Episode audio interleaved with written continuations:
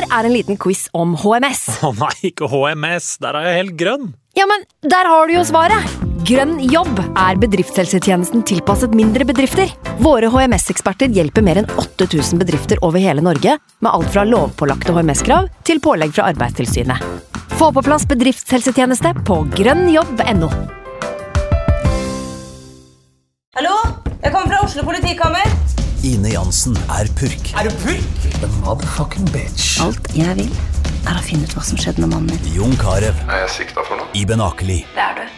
Ole So, Lars Berrum og Big Daddy Karsten. Hvem sin side er du på, egentlig? Anette Hoff, Tone Danielsen, Kommer du fra Afrika? Jørnis Josef, Nesten. Kløfta. Trond Espen Seim, Det er synd å si det, men det var feil mann som døde. Purk. Premiere tirsdag på TV2 Play.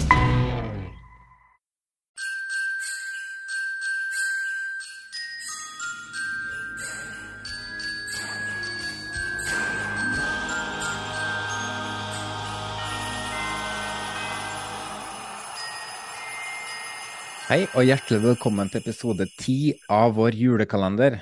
10. desember, den første Nobelprisen ble utdelt, og da er det naturlig at det er mange historiske personer som har mottatt den prisen på denne dagen, bl.a. Barack Obama, hvor undertegnede sto oppe i Maridalen i Oslo og beskytta norsk luftrom med launcher, altså raketter, klar til å skyte ned alle fly over Oslo. Luftrommet var stengt, og hadde et fly vært i luft over oss, da hadde det plaffa rett ned. Eller ikke jeg, da. Eh, Jeg hadde bare ansvaret for missilene. Ja, takk og pris for at det ikke var du som hadde ansvaret. Da hadde jeg mista all tro på sikkerheten i det landet her. Jeg tror ikke Jonas 19 år burde hatt ansvaret der, nei. Ikke Jonas 33 år heller. Neida, men nok om det. Det er jo noen eh, kjente personligheter som har bursdag i dag også, blant annet Gonzalo Higuain og eh, Jon Midtun Lie, faktisk. Ja, må også nevnes at det er FNs menneskerettighetsdag, ikke en eh, dag som Saudi og Qatar eh, feirer, med andre ord. Vi må åpne luke nummer ti, og nok en gang er det en, eh, et, en luke som er relatert til et draktnummer, og en luke som er sponsa av Færder begravelsesbyrå. Det er det, men det er ikke noe Messi eller Maradona. Men en, ganske mange har denne spilleren Av ganske mange har denne spilleren samme status. Ja, det, det var jo flere som gjetta riktig i dag, da. Eh, vinneren annonserer vi i sosiale medier i løpet av dagen. Nummer ti er kanskje det mest ikoniske draktnummeret. Det er nummeret de fleste fotballspillere drømmer om å ha, er det ikke det? Jeg hadde nummer ti som spillende hovedtrener i Andebu. Gikk fra å være keeper til å være spiss. Eh, nummeret har vel egentlig aldri vært mer, fe mer feilplassert i historien. Man kunne like så greit ha satt nummeret på hvordan som helst av eh, materialforvalterne, egentlig. Dagens gjest er ikke noe materialforvalter, akkurat. Han eh, var selve hjertet i et maskineri som gikk eh, fra suksess til suksess. Hvor han eh, var hjertet i laget og en svært viktig kontinuitetsbærer.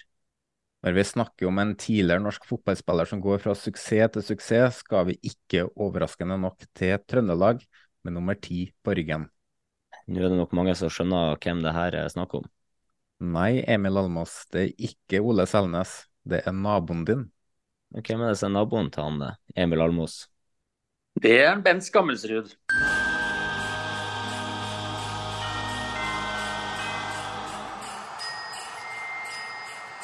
Det er det. Utrolig hyggelig at du stiller opp i julekalenderen vår. Hvordan er det med deg om dagen?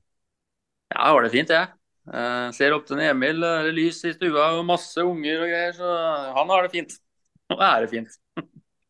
Vi har jo snakka sammen tidligere, Bent. For i 2002 så ringte jeg til flere Rosenborg-spillere og hevda at jeg holdt på med et prosjekt hvor eh, vi laga en skoleavis. Og det, det var jo naturligvis bare tull. For eh, jeg og en eh, kompis ønska bare å snakke med deg og flere andre Rosenborg-spillere. Noe vi også fikk. Det var et langt intervju hvor vi improviserte med spørsmål, og du svarte veldig godt. Og, eh, men det var en som ikke likte det så godt, da, for Arne Gauter Arason la plutselig om til gebrokkent Brokkent norsk den gangen eh, jeg ringte. Jeg ikke forstå, og jeg fikk til svar der. Ja, eh, islending vet du, var ikke det beste på, på, på norsk, men han, han sto nå godt i mål, iallfall. det viktigste for oss da, i, i Rosenborg. Fantastisk i den perioden der. Og når vi er først inne på 2002, da, for selv med en glitrende sesong av deg, som ble krona med seriegull og nok et år i Champions League, fikk du plutselig beskjed om at du ikke fikk lov til å spille i Rosenborg lenger. Og det her er jo en historie du har uh, tatt 100 ganger, men det i diverse Rosenborg-podkaster. da. Kan ikke du gjenfortelle den historien for nye ører? Jo, det kan jeg vel gjøre. Nei, det var jo Åge Hareide kom jo og skulle ta over til Nils Arne, noe jeg egentlig syns var litt spennende sjøl òg. For uh, vi hadde jo hatt Nils i veldig mange år. Og han var jo med oss og sa at uh, alder ikke hadde så mye å si, da, så bare var god nok. Så det var jo en veldig motivasjon til meg den høsten i 2002. Så jeg må innrømme, når jeg gikk opp på kontoret den uh, dagen der, så var jeg vel 99% sikker på at jeg skulle signere en ny kontrakt. Og når jeg da kommer inn i, inn på rommet, der står, sitter jo Åge Hareide, Rune Bratseth og Ola By Riise. Når jeg kommer inn døra, så er det ingen som møter blikket mitt. Alle kikker ned i bordet, og da skjønte jeg faktisk at eh, karrieren var over. Så da gikk det mye tanker gjennom uh, hodet mitt, ja. Så um, det var mye følelser på en gang akkurat da. Men eh, fikk nå avslutte på, på, topp mot Lyon i Champions League, så og i ettertid så er det sikkert uh, greit, men der og da så var jeg jo ikke akkurat den mest fornøyde spilleren i Norge, nei. Var det noe bitterhet over det å liksom få den beskjeden der, da?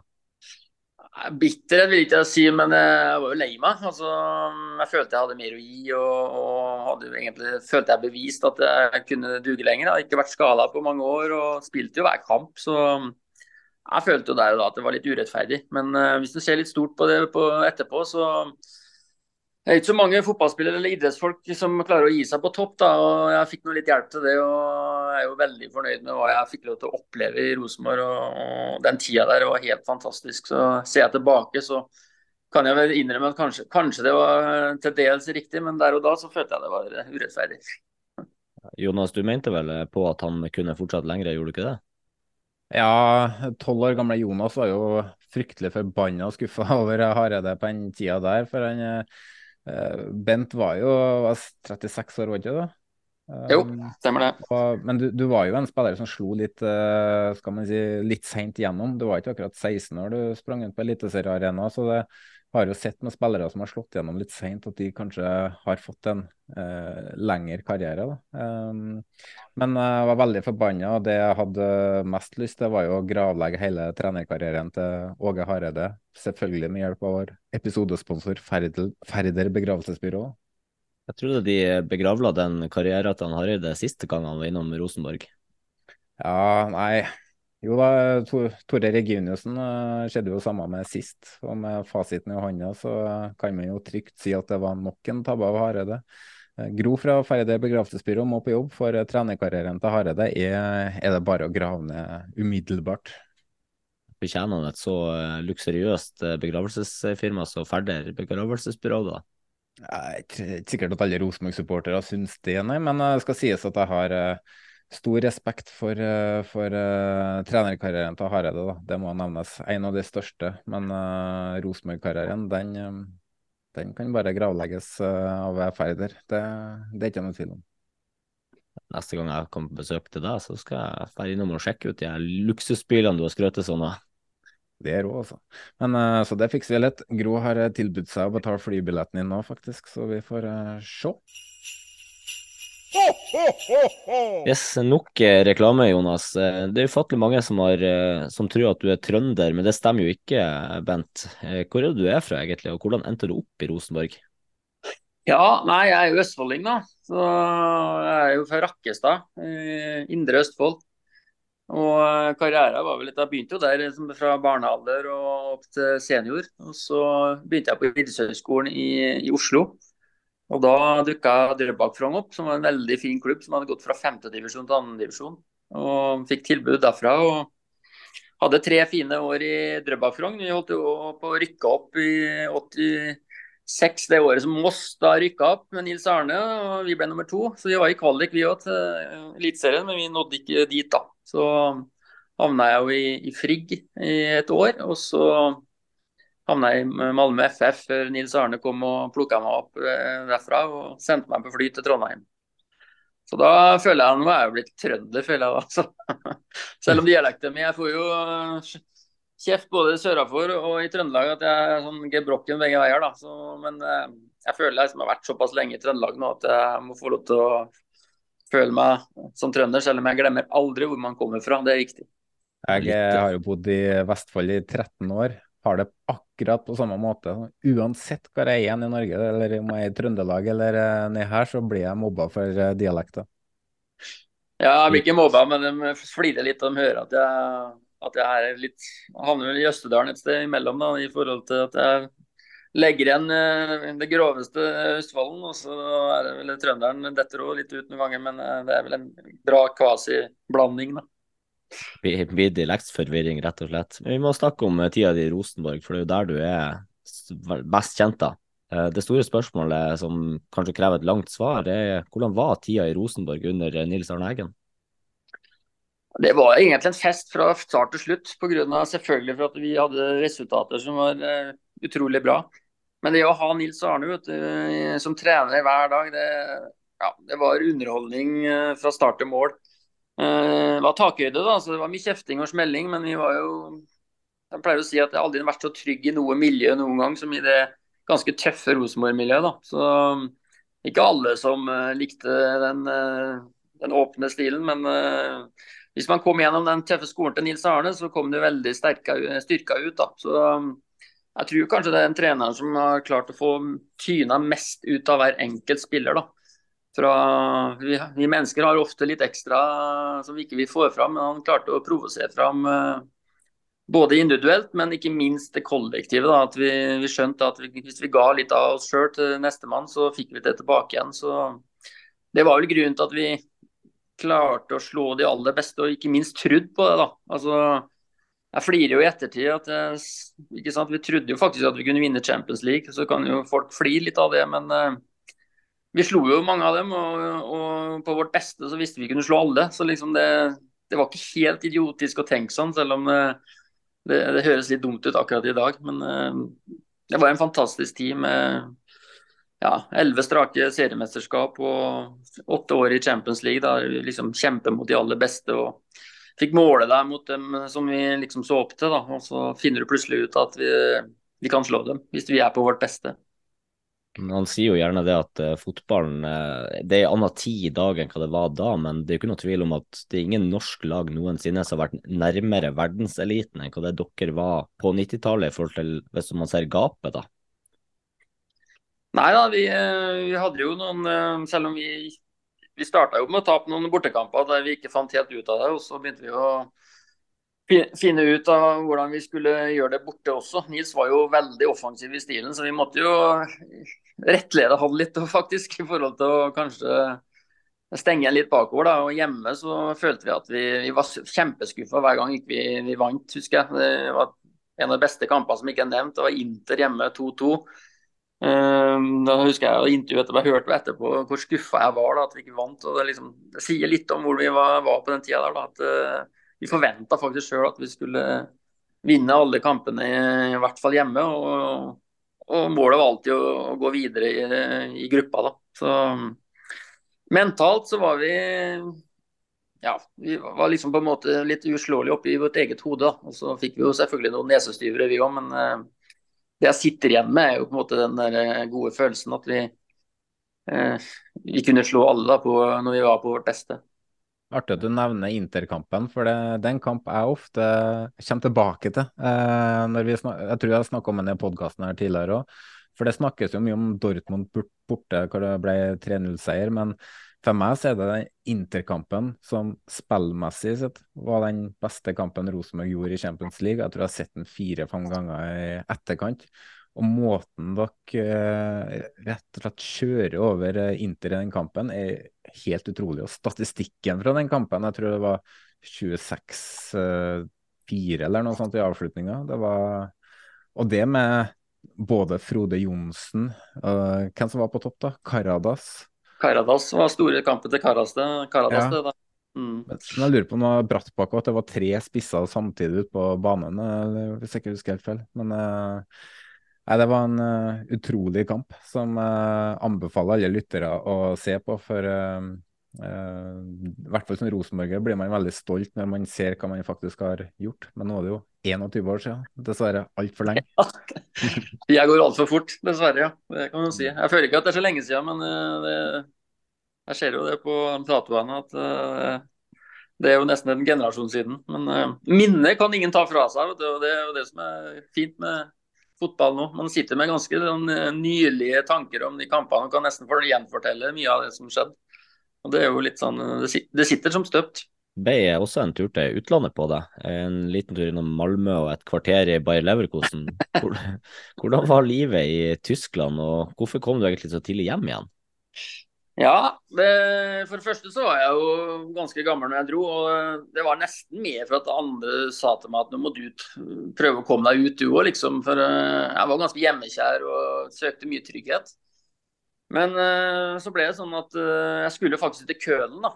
Det var en båndklubb som skulle prøve å berge og skulle forsterke i vinterhalvåret. Du kan jo lure på hvorfor de skal hente meg da, men de skulle nå det. Og på veien til flyplassen så ringer Bayer Leverkosen hører at jeg skal dit, for de uh, visste ikke at jeg var til salgs. Så da hadde jeg møte med begge og havna i Bayer Leverkosen da, med Christoph Daum da, som trener.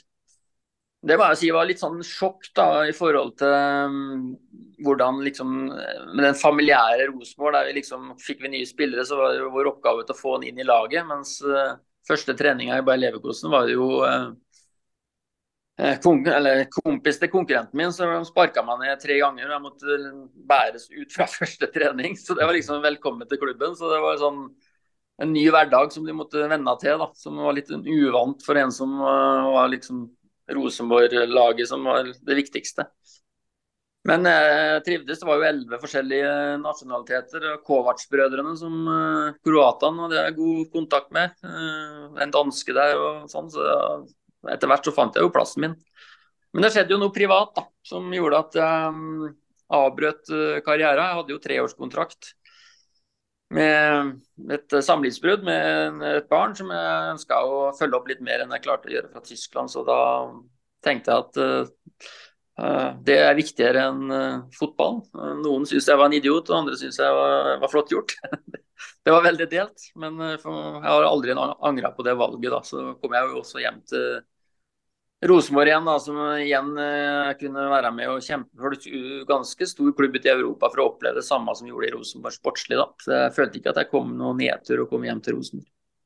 Ja, du dro ut, eh, som du sier, ganske, du var ganske voksen når du dro ut. Har du noensinne tenkt på at du kanskje skulle søkt eh, ut et eventyr tidligere i karrieren? Jo, altså I ettertid kan du si at vi uh, kunne gjort ting annerledes og muligheter. Men jeg, såpass, jeg stikker fingeren litt i jorda at uh, jeg fant jo min rolle i Rosenborg. Uh, jeg var ikke Guds gave til fotballen, men jeg tror jeg var god sammen med andre. Og kanskje flink til å spille andre gode òg. Så jeg tror jeg passa inn i den rolla. Og og jeg tror jeg fikk litt sånn maks ut av eh, karrieren med å møtte en som Nils Arne, som uh, dro fram en litt beskjeden Skammelsrud å bli litt tøffere i, både i nøtta og i, i verbalt. Og gjorde meg på en måte til en kaptein òg. Så um, jeg tror jeg heller ser motsatt. At jeg tror jeg fikk veldig mye ut av karrieren min. og jeg ville ikke ha bytta med noen egentlig for det, det jeg opplevde. Så jo, pengesekken kunne sikkert vært større. Men uh, det sportslige opplevelsen uh, tror ikke jeg kan bytte med noen, sånn som uh, når du kommer fra Norge og på den tida. Jeg er veldig glad du ikke bytta, Bent. Men du fikk jo en fin landslagskarriere også, med seks mål på 38 kamper i det som må ha vært tidenes landslagsgenerasjon i Norge. Og Jeg gikk gjennom hele landslagskarrieren din, og den er egentlig litt merkelig. For du debuterte uh, i 87, hvor du fikk åtte minutter som uh, innbytter mot Bulgaria. Og deretter hadde du en uh, periode på slutten av 89 og starten på 90 hvor du var litt inne i varmen. Men fram til 97 så var du bare litt sånn sporadisk innom troppen. Før VM 98 var du med i 15 av 20 kamptropper. hvor det til og med ble 6-90 minutter. Men da VM-troppen ble tatt ut, så var ikke du med. Var du skada, eller hva var årsaken der? Nei, det var nok den største skuffelsen jeg har opplevd noen gang, tror jeg. For uh, jeg husker, kan, Når du sier at du husker en del Champions League, så husker jeg faktisk det uttaket. For Det var veldig mye journalister på treninga den dagen den troppen skulle komme. Og jeg var jo igjen da 99% sikker på et eller annet, da. så det er bra å være 99 sikker. Så, det, det, det, er ikke, det, er ikke du, det er ikke du som skal plukke ut lottotallene mine, jeg i hvert fall. Nei. Nei, så jeg var jo um, på treningsfeltet, og når uh, treninga var slutt, så var jo masse journalister som storma, og ingen kom bort til meg. Så tenkte jeg ja, at uh, nei, det var kanskje ikke så interessant. for Det var ganske selvfølgelig at jeg skulle være med, tenkte jeg. For jeg har jo vært med nesten i alt som var av kvalikkamper. Så sjokket ble jo stort da når uh, jeg var utelatt eh, den gangen. og da Eh, Men jeg fikk revansjen i 2000, da, men jeg må jo si at den, eh, det var eh, Der og da så var det den stør, stør, største skuffelsen i forhold til før jeg måtte slutte som fotballspiller, da, for å si det sånn. Så, men vet du, bitterhet vet du, det er som å drikke gift vet du, og tro at andre dør. Men uh, du er inne på det 2000, for Nils Johan Sem tok jo over for Drillo. Og du, du ble ikke akkurat satsa på til å begynne med der heller, for uh, du var jo kun med i to av 13 landslagstropper til å begynne med. Men fra august 99 så starta du hele 9 av 13 kamper. Og når EM kom, så fikk du 90 minutter med, mot både Spania og Jugoslavia i EM, men eh, ble vraka da, til den avgjørende kampen mot Slovenia, som kanskje var den svarteste dagen i norsk eh, landslagshistorie. Hva er det du, hva er det du husker fra den eh, dagen mot eh, Slovenia? Nei, Jeg husker jo hele EM for det første så at jeg for første gang var på en måte et førstevalg. da. For Det er ikke noen tvil om at Kjetil Rekdal jeg, vi, han ble jo foretrukket. og Han gjorde jo gode kamper, så det er ingenting eh, feil å si at han, Drillo satsa på han. Så kom Semb inn, og så var det vel jeg og Ståle Solbakken og Kjetil da, som egentlig fikk hver vår kamp tror jeg, i forkant uh, før EM. Da var jeg heldig. Jeg var kaptein mot Italia, vi vant 1-0. og Det gikk ganske bra. så Da skjønte jeg faktisk for første gang at det skal litt tid å utelate meg. så det, Heldigvis så stemte det. så Jeg fikk jo start mot eh, Spania, der vi vant eh, 1-0 på gammel norsk vis. Med godt forsvar og et par sjanser, og så vant vi. Det er ikke langt. Det er ikke langt altså, Jeg husker jo spesielt den skåringa mot Italia. For det var jo lang ball og Jon Carew som hedde den i mål fra 16 meter. Og Peruzzi tror jeg som sto i mål og knakk handa når han endte opp i stolpen der. Og så har du målet til Steffen Iversen mot Spania med langt utspill fra Thomas Myhre. Så det var jo ordentlig norsk, eh, norske skåringer der. Det var det, og det sier jo også litt om kanskje både eh, for, styrken vår og problemet vår. Altså, vi gikk ut av EM med 1-1 i målforskjell. Eh, vi skårer for lite mål og var for lite eh, gode offensivt, men så var vi jo potte tett bakover. Det er jo kanskje litt motsatt av dagens landslag. da. At eh, Vi var, var sterke kollektivt og defensivt og var gode på kontringer. eh, men eh, vi hadde vel ikke den egenspillet som kanskje det norske landslaget i hvert fall prøver på nå da, i disse dager. Så nei, ja, Når jeg da vunnet en kamp og tapt en kamp, så kom jo Ståle Solbakken inn. som Sem ønska å teste han. Da, og det er jo, Sånn er det på landslaget. Det er tøff konkurranse. og og Det var ikke noe sure mine, men det var jo litt trist å ryke ut på kanskje den kampen som vi var størst favoritt i og burde vinne. for Vi hadde jo slått dem 4-0 i noen måneder i forveien på Ullevål og skulle være et bedre lag enn Slovenia. Men eh, det ville seg ikke, så da var eh, Norge ut. Det er vel det kjente bildet med Sem som sitter på alle fire midt på banen. Det kjenner vi igjen. Tida har det gått én vei. Ja. Siden har ingen sett landslaget i noe sluttspill, så det, er på tide snart. Hvis du ser tilbake på karrieren din, da. Landslaget, hva storkamper mot Dortmund og Inter og Milan og så Real Madrid annet. Hva, hva er du mest stolt av i karrieren, og hva, er det noe du er mindre stolt av? Jeg er stolt er jo at jeg har vært uh, kanskje en av kontinuitetsbærerne i, i Rosenborgs beste tid. da. Uh, jeg- det jeg er skuffa over, at jeg kanskje ikke var god nok i utfordrerrollen på, på landslaget. Eh, altså, du kan godt si at du burde hatt flere kamper, men likevel så kan ikke skylde på noe annet enn seg sjøl. At man kanskje ikke tok den, den eh, utfordrerrolla godt nok. Da. Jeg var nok best når jeg var trygg og god i, på en måte med, med Nils Arne, som jeg visste tok meg ut på, på laget. Og da fikk jeg fram mitt beste, da. Så det ene er vel altså Ingen er jo skuffelser, men uh, klart 38 landskamper er jo bra, men over mange, mange år, som du sier, da. Så sånn sett kan du si at jeg har jo hele tida vært en jevnt bra spiller, men eh, det var vel i Rosenborg som jeg fikk fram mitt eh, aller beste, da. Da du var aktiv, så var det mange som så for seg at eh, kanskje du og Erik Hoftun var to av spillerne som kunne bli trenere en dag. Eh, hvorfor ble det ikke trenerkarriere på deg? Ja, det er litt tilfeldigheter, faktisk. For det er ikke noe tvil om at jeg hadde en liten sånn spire i meg, jeg òg. Jeg var jo juniortrener bl.a. med Kåre Ingebrigtsen. Uh, og så, men uh, det er litt sånn tilfeldigheter i, i livet òg. Jeg, jeg, begynte å kjenne litt på det. Altså når du har levd fotballivet i den bobla i så mange år, med helgene som er borte nesten hver gang, og så begynte jeg å få litt helgefri. Så begynte jeg å tenke, kjenne at da, det var godt. Jeg har ikke hatt på 30 år. Så det kan godt hende liksom den, den, delen der av familielivet og, og, på en måte komme seg ut av bobla. For det, det jeg merka, var at fotballen tar liksom hele det. Eh, du merker veldig godt når du snakker med folk som er i fotballen, så er det liksom det temaet det dreier seg om. Du klarer liksom ikke å se ut av bobla. Og når jeg kom ut av bobla sjøl, så følte jeg kanskje at det, det var et liv uh, utenom fotball òg som tiltrakk meg litt. da. Og Det å kunne sitte og slappe av i helgene og, uten å tenke på trening eller hvordan man skal stille opp et lag, det, at den, den del ble litt for stor til meg. da, så Derfor så var det veldig tilfeldig at jeg kutta den delen av livet. da. Når å se på, det å se på et lag, da, hvis vi ser på nutidas RBK, det som har skjedd de siste årene, økonomien er blitt trang og det er liksom de er langt unna en medaljekamp. og Det, det virker som det er masse som har, har gått feil i mange år, da. Men eh, så ser man nå en eh, Ole Selnes komme tilbake, Ole Sæter har signert ny kontrakt. Unggutter som Håkon Røsten og Sverre Nypan har fått gjennombruddene sine. Eh, ser du lysere på fremtida til Rosenborg? Akkurat nå så eh, syns jeg det er litt, litt mørkt, da. Som en tunnel. Du er alltid lys i andre enden av tunnelen. Så, mm, og det, det, som er med fotball, at ting snur veldig fort. Det snur ikke av seg sjøl. Liksom den tilbakegangen har jo ikke skjedd over natta. Det har vært over mange år. Eh, det er sikkert mange årsaker til det. Det som jeg er skuffa over, liksom at de eh, la, la, den delen av fotballen bort av der som vi hadde som beste med 4-3-3.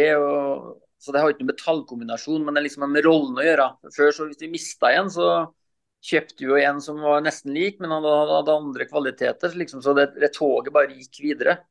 Det at man liksom tok bort den delen som du ser kanskje Bodø-Glimt faktisk har beholdt hele veien. Den var jo alltid en kopi av Rosenborg. Jeg eh, spilte jo i Rosenborg i tolv år. Jeg tror ikke jeg har tapt én kamp for Bodø-Glimt. Det var for at de prøvde å etterligne oss, men de var alltid dårligere enn originalen. Nå er vi dessverre den originalen ble lagt bort, da.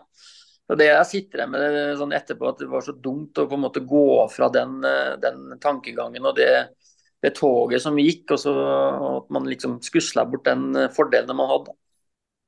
Det er kanskje et eh, stort spørsmål, men eh, hvor langt unna er Rosenborg å bli en eh, gullkandidat igjen i Eliteserien? Akkurat nå kan du si det ser veldig langt ut. Nå er det jo skader og det er mye årsaker, på en måte da, og økonomien er jo dårlig. Nå, altså, dessverre har vi kommet dit da, at Før så ville jo alle til Rosenborg. Så vi, vi plukka jo egentlig det vi ønska når vi var på vårt beste. Nå er jo dessverre den delen borte, og den holdt jo egentlig ganske mange år ettertid òg. For eh, det er jo potensialet med publikum og interessen og på en måte storklubb eh, en måte, den, den, sitter jo litt i, men eh, nå, nå, ser du at folk trekker til andre klubber. og Det er liksom nytt for Rosenborg, det òg. De, nå, nå, må de liksom starte helt på nytt. og Det kan, jeg tror jeg er litt uvant for en klubb som alltid på en måte kunne velge fra øverste hylle. da. Så det, nei, det, men som du sier, det er en del unggutter. Og hvis man får samla den uh, gjengen til å, gi hverandre prosenter og ikke ta prosenter fra hverandre, så, så det trenger ikke å være så lang tid før man uh, er med igjen. Da. Men akkurat når jeg sitter her uh, nå i, i, desember og har sett på den sesongen som har vært, så, så er jeg jo litt trist, da. Det, men optimismen må alltid være der, vet du. 14 dager igjen til jul, Bent. Er du et eh, julemenneske? Nei, jeg er faktisk ikke det. hva, hva du gjør her, da? Nei, jeg syns jo det er koselig med akkurat julaften, synes jeg er bra, da. Men jeg er jo ikke den der som liker at det er familieselskap fire ganger eh, etter jul. og Jeg, syns det er godt å være hjemme i sin egen stue og kose meg med min eh, lille familie, da. Men Så jeg, jeg skjønner jo den som liker jula, men eh, jeg har aldri vært noen sånn eh, julebukk, for å si det sånn. Så eh, det er godt å ha fri, da. Det kan man si. Ja, det, det er jo en fordel med det. Her- i huset så dro jeg fram julekassaen julekassene mine eh, 23. november. Altså, Samboeren min trodde jeg var stein gal når vi skal feire første jul sammen. Og jeg begynner å bære ned kasse på kasse med julepynt og fortalte at det her er det jeg som har kjøpt.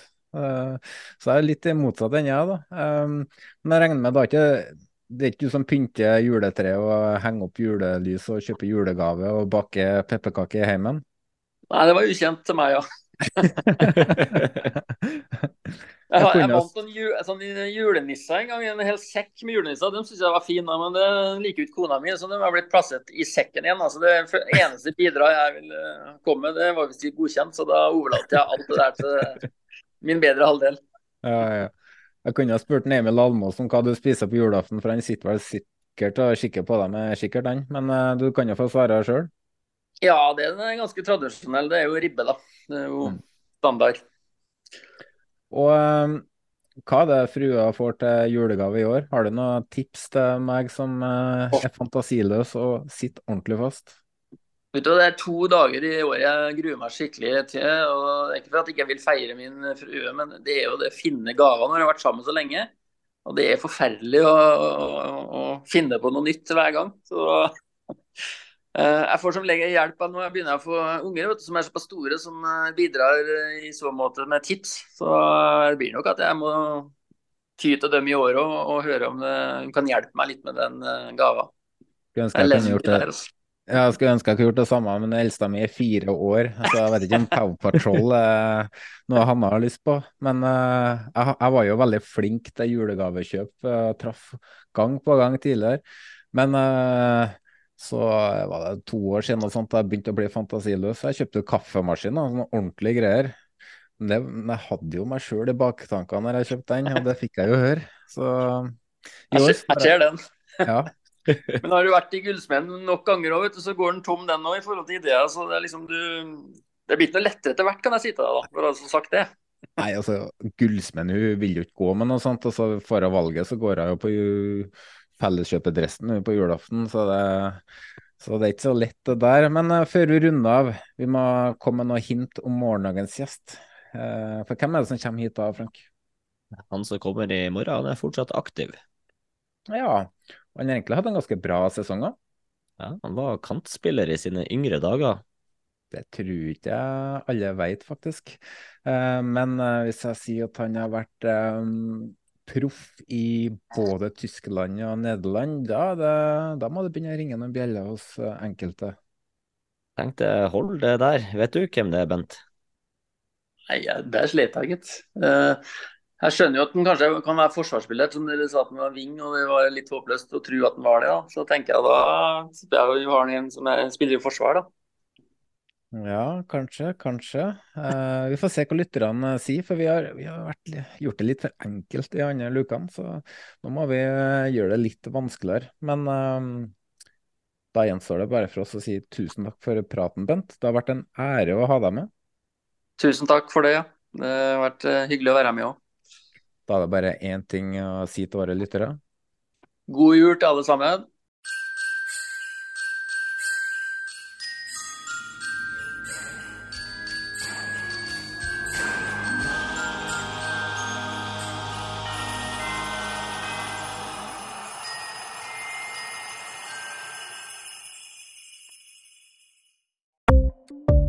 Ukens annonsør er HelloFresh.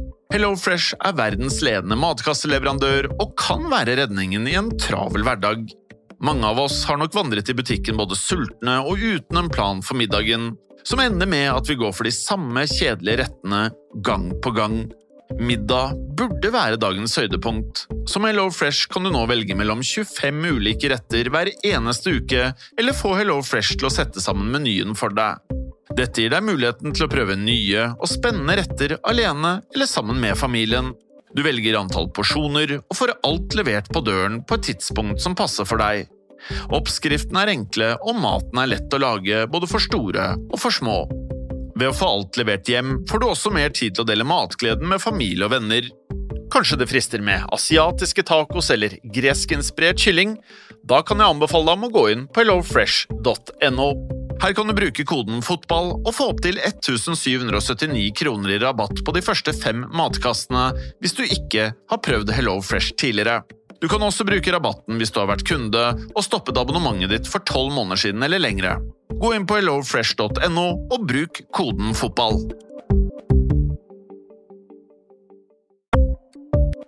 Ukens annonsør er Folio, en smartere banktjeneste for deg som har en egen bedrift eller ønsker å starte for deg selv. Folio er en superenkel nettbank for bedrifter. Som kunde i Folio får du en bedriftskonto med et bedriftskort og app. I denne appen er det smarte løsninger som forenkler regnskapet ditt, uansett om du har en liten bedrift eller et enkeltpersonsforetak. Folio er både intuitivt og brukervennlig, og er laget med et enkelt språk. I tillegg tilbyr de forutsigbare priser og ingen skjulte gebyrer. Skulle du likevel trenge det, så kan du snakke med deres raske og hyggelige kundeservice, og der får du prate med en faktisk person og ikke en chatbot. Folio er med andre ord både enklere og koseligere enn banken. Over 10 000 bedrifter har allerede valgt Folio som sin banktjeneste, så besøk folio.no og se hvordan Folio kan forenkle din hverdag også. Har du et enkeltpersonforetak eller en liten bedrift? Da er du sikkert lei av å høre meg snakke om hvor enkelt det er med kvitteringer og bilag i fiken, så vi gir oss her, vi. Fordi vi liker enkelt. Fiken superenkelt regnskap.